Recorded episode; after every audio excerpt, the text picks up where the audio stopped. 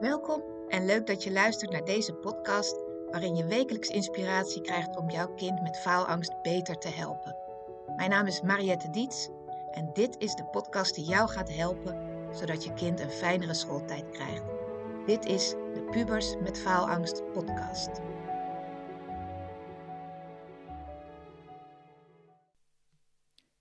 Hey, even een extra ingelaste aflevering.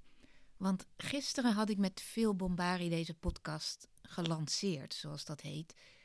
En diezelfde avond wilde ik al een van de afleveringen offline halen, opnieuw inspreken.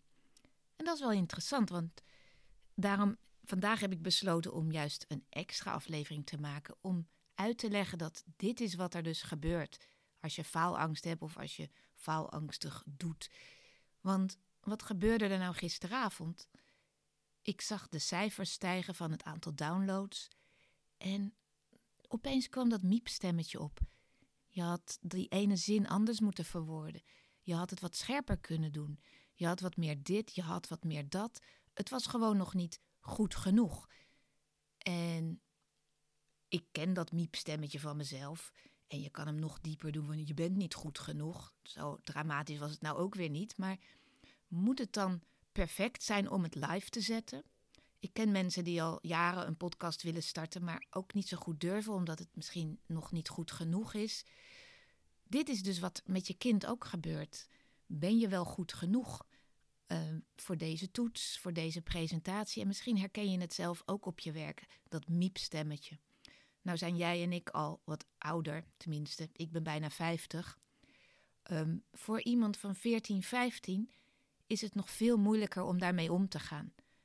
En als ik het dan mag vergelijken met eh, mijn moeder van 87, die overigens ook nog wel eens dat miepstemmetje heeft. Zij heeft net een nieuwe knie. En de fysio had gezegd: je moet goed die beenspieren eromheen trainen. de, de, om die, spier, die spieren om die knie heen. Want eh, dan ontlast je die knie zelf een beetje. Hoe sterker dat er omheen, hoe beter. En dat lijkt een beetje op hoe we met dat miepstemmetje om moeten gaan. We moeten eigenlijk genoeg spieren eromheen kweken die dat miepstemmetje een beetje kunnen geruststellen, kunnen kalmeren of tot stilte kunnen brengen. Misschien dat het nooit helemaal weggaat, maar het gaat erom dat we er wat meer omheen bouwen aan zelfvertrouwen. In coaching noemen we dat wel eens het ik-gevoel. We moeten het ik-gevoel verstevigen van die persoon. En daarmee bedoelen we gewoon: ben ik als mens goed genoeg? Ook als ik een fout maak, ook als ik haper bij een presentatie, ook als ik rood word, ook als ik ga trillen, ook als ik een onvoldoende haal, ook als ik blijf zitten. Wie ben ik dan nog als mens en ben ik dan nog oké? En dat gaat natuurlijk best wel diep, maar dit zit er vaak wel achter, ook bij jouw tiener, bij jouw puber. Dus hou dit in je achterhoofd en kijk hoe je het zelfvertrouwen van je kind op allerlei vlakken kan versterken, zodat het niet meer afhangt van resultaten of uitvoeringen of presentaties. En eigenlijk is dit gewoon de dans van het leven. Dit is ons leven. Ik ben in de wereld van podcast gestapt en moet van alles nog leren hoe het werkt.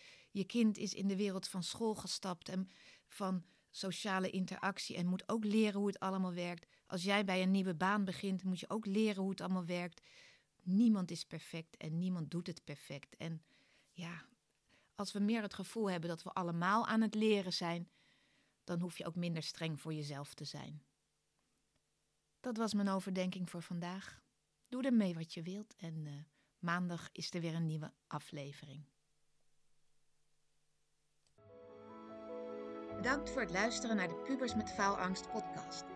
Wil je met mij sparren over jullie situatie?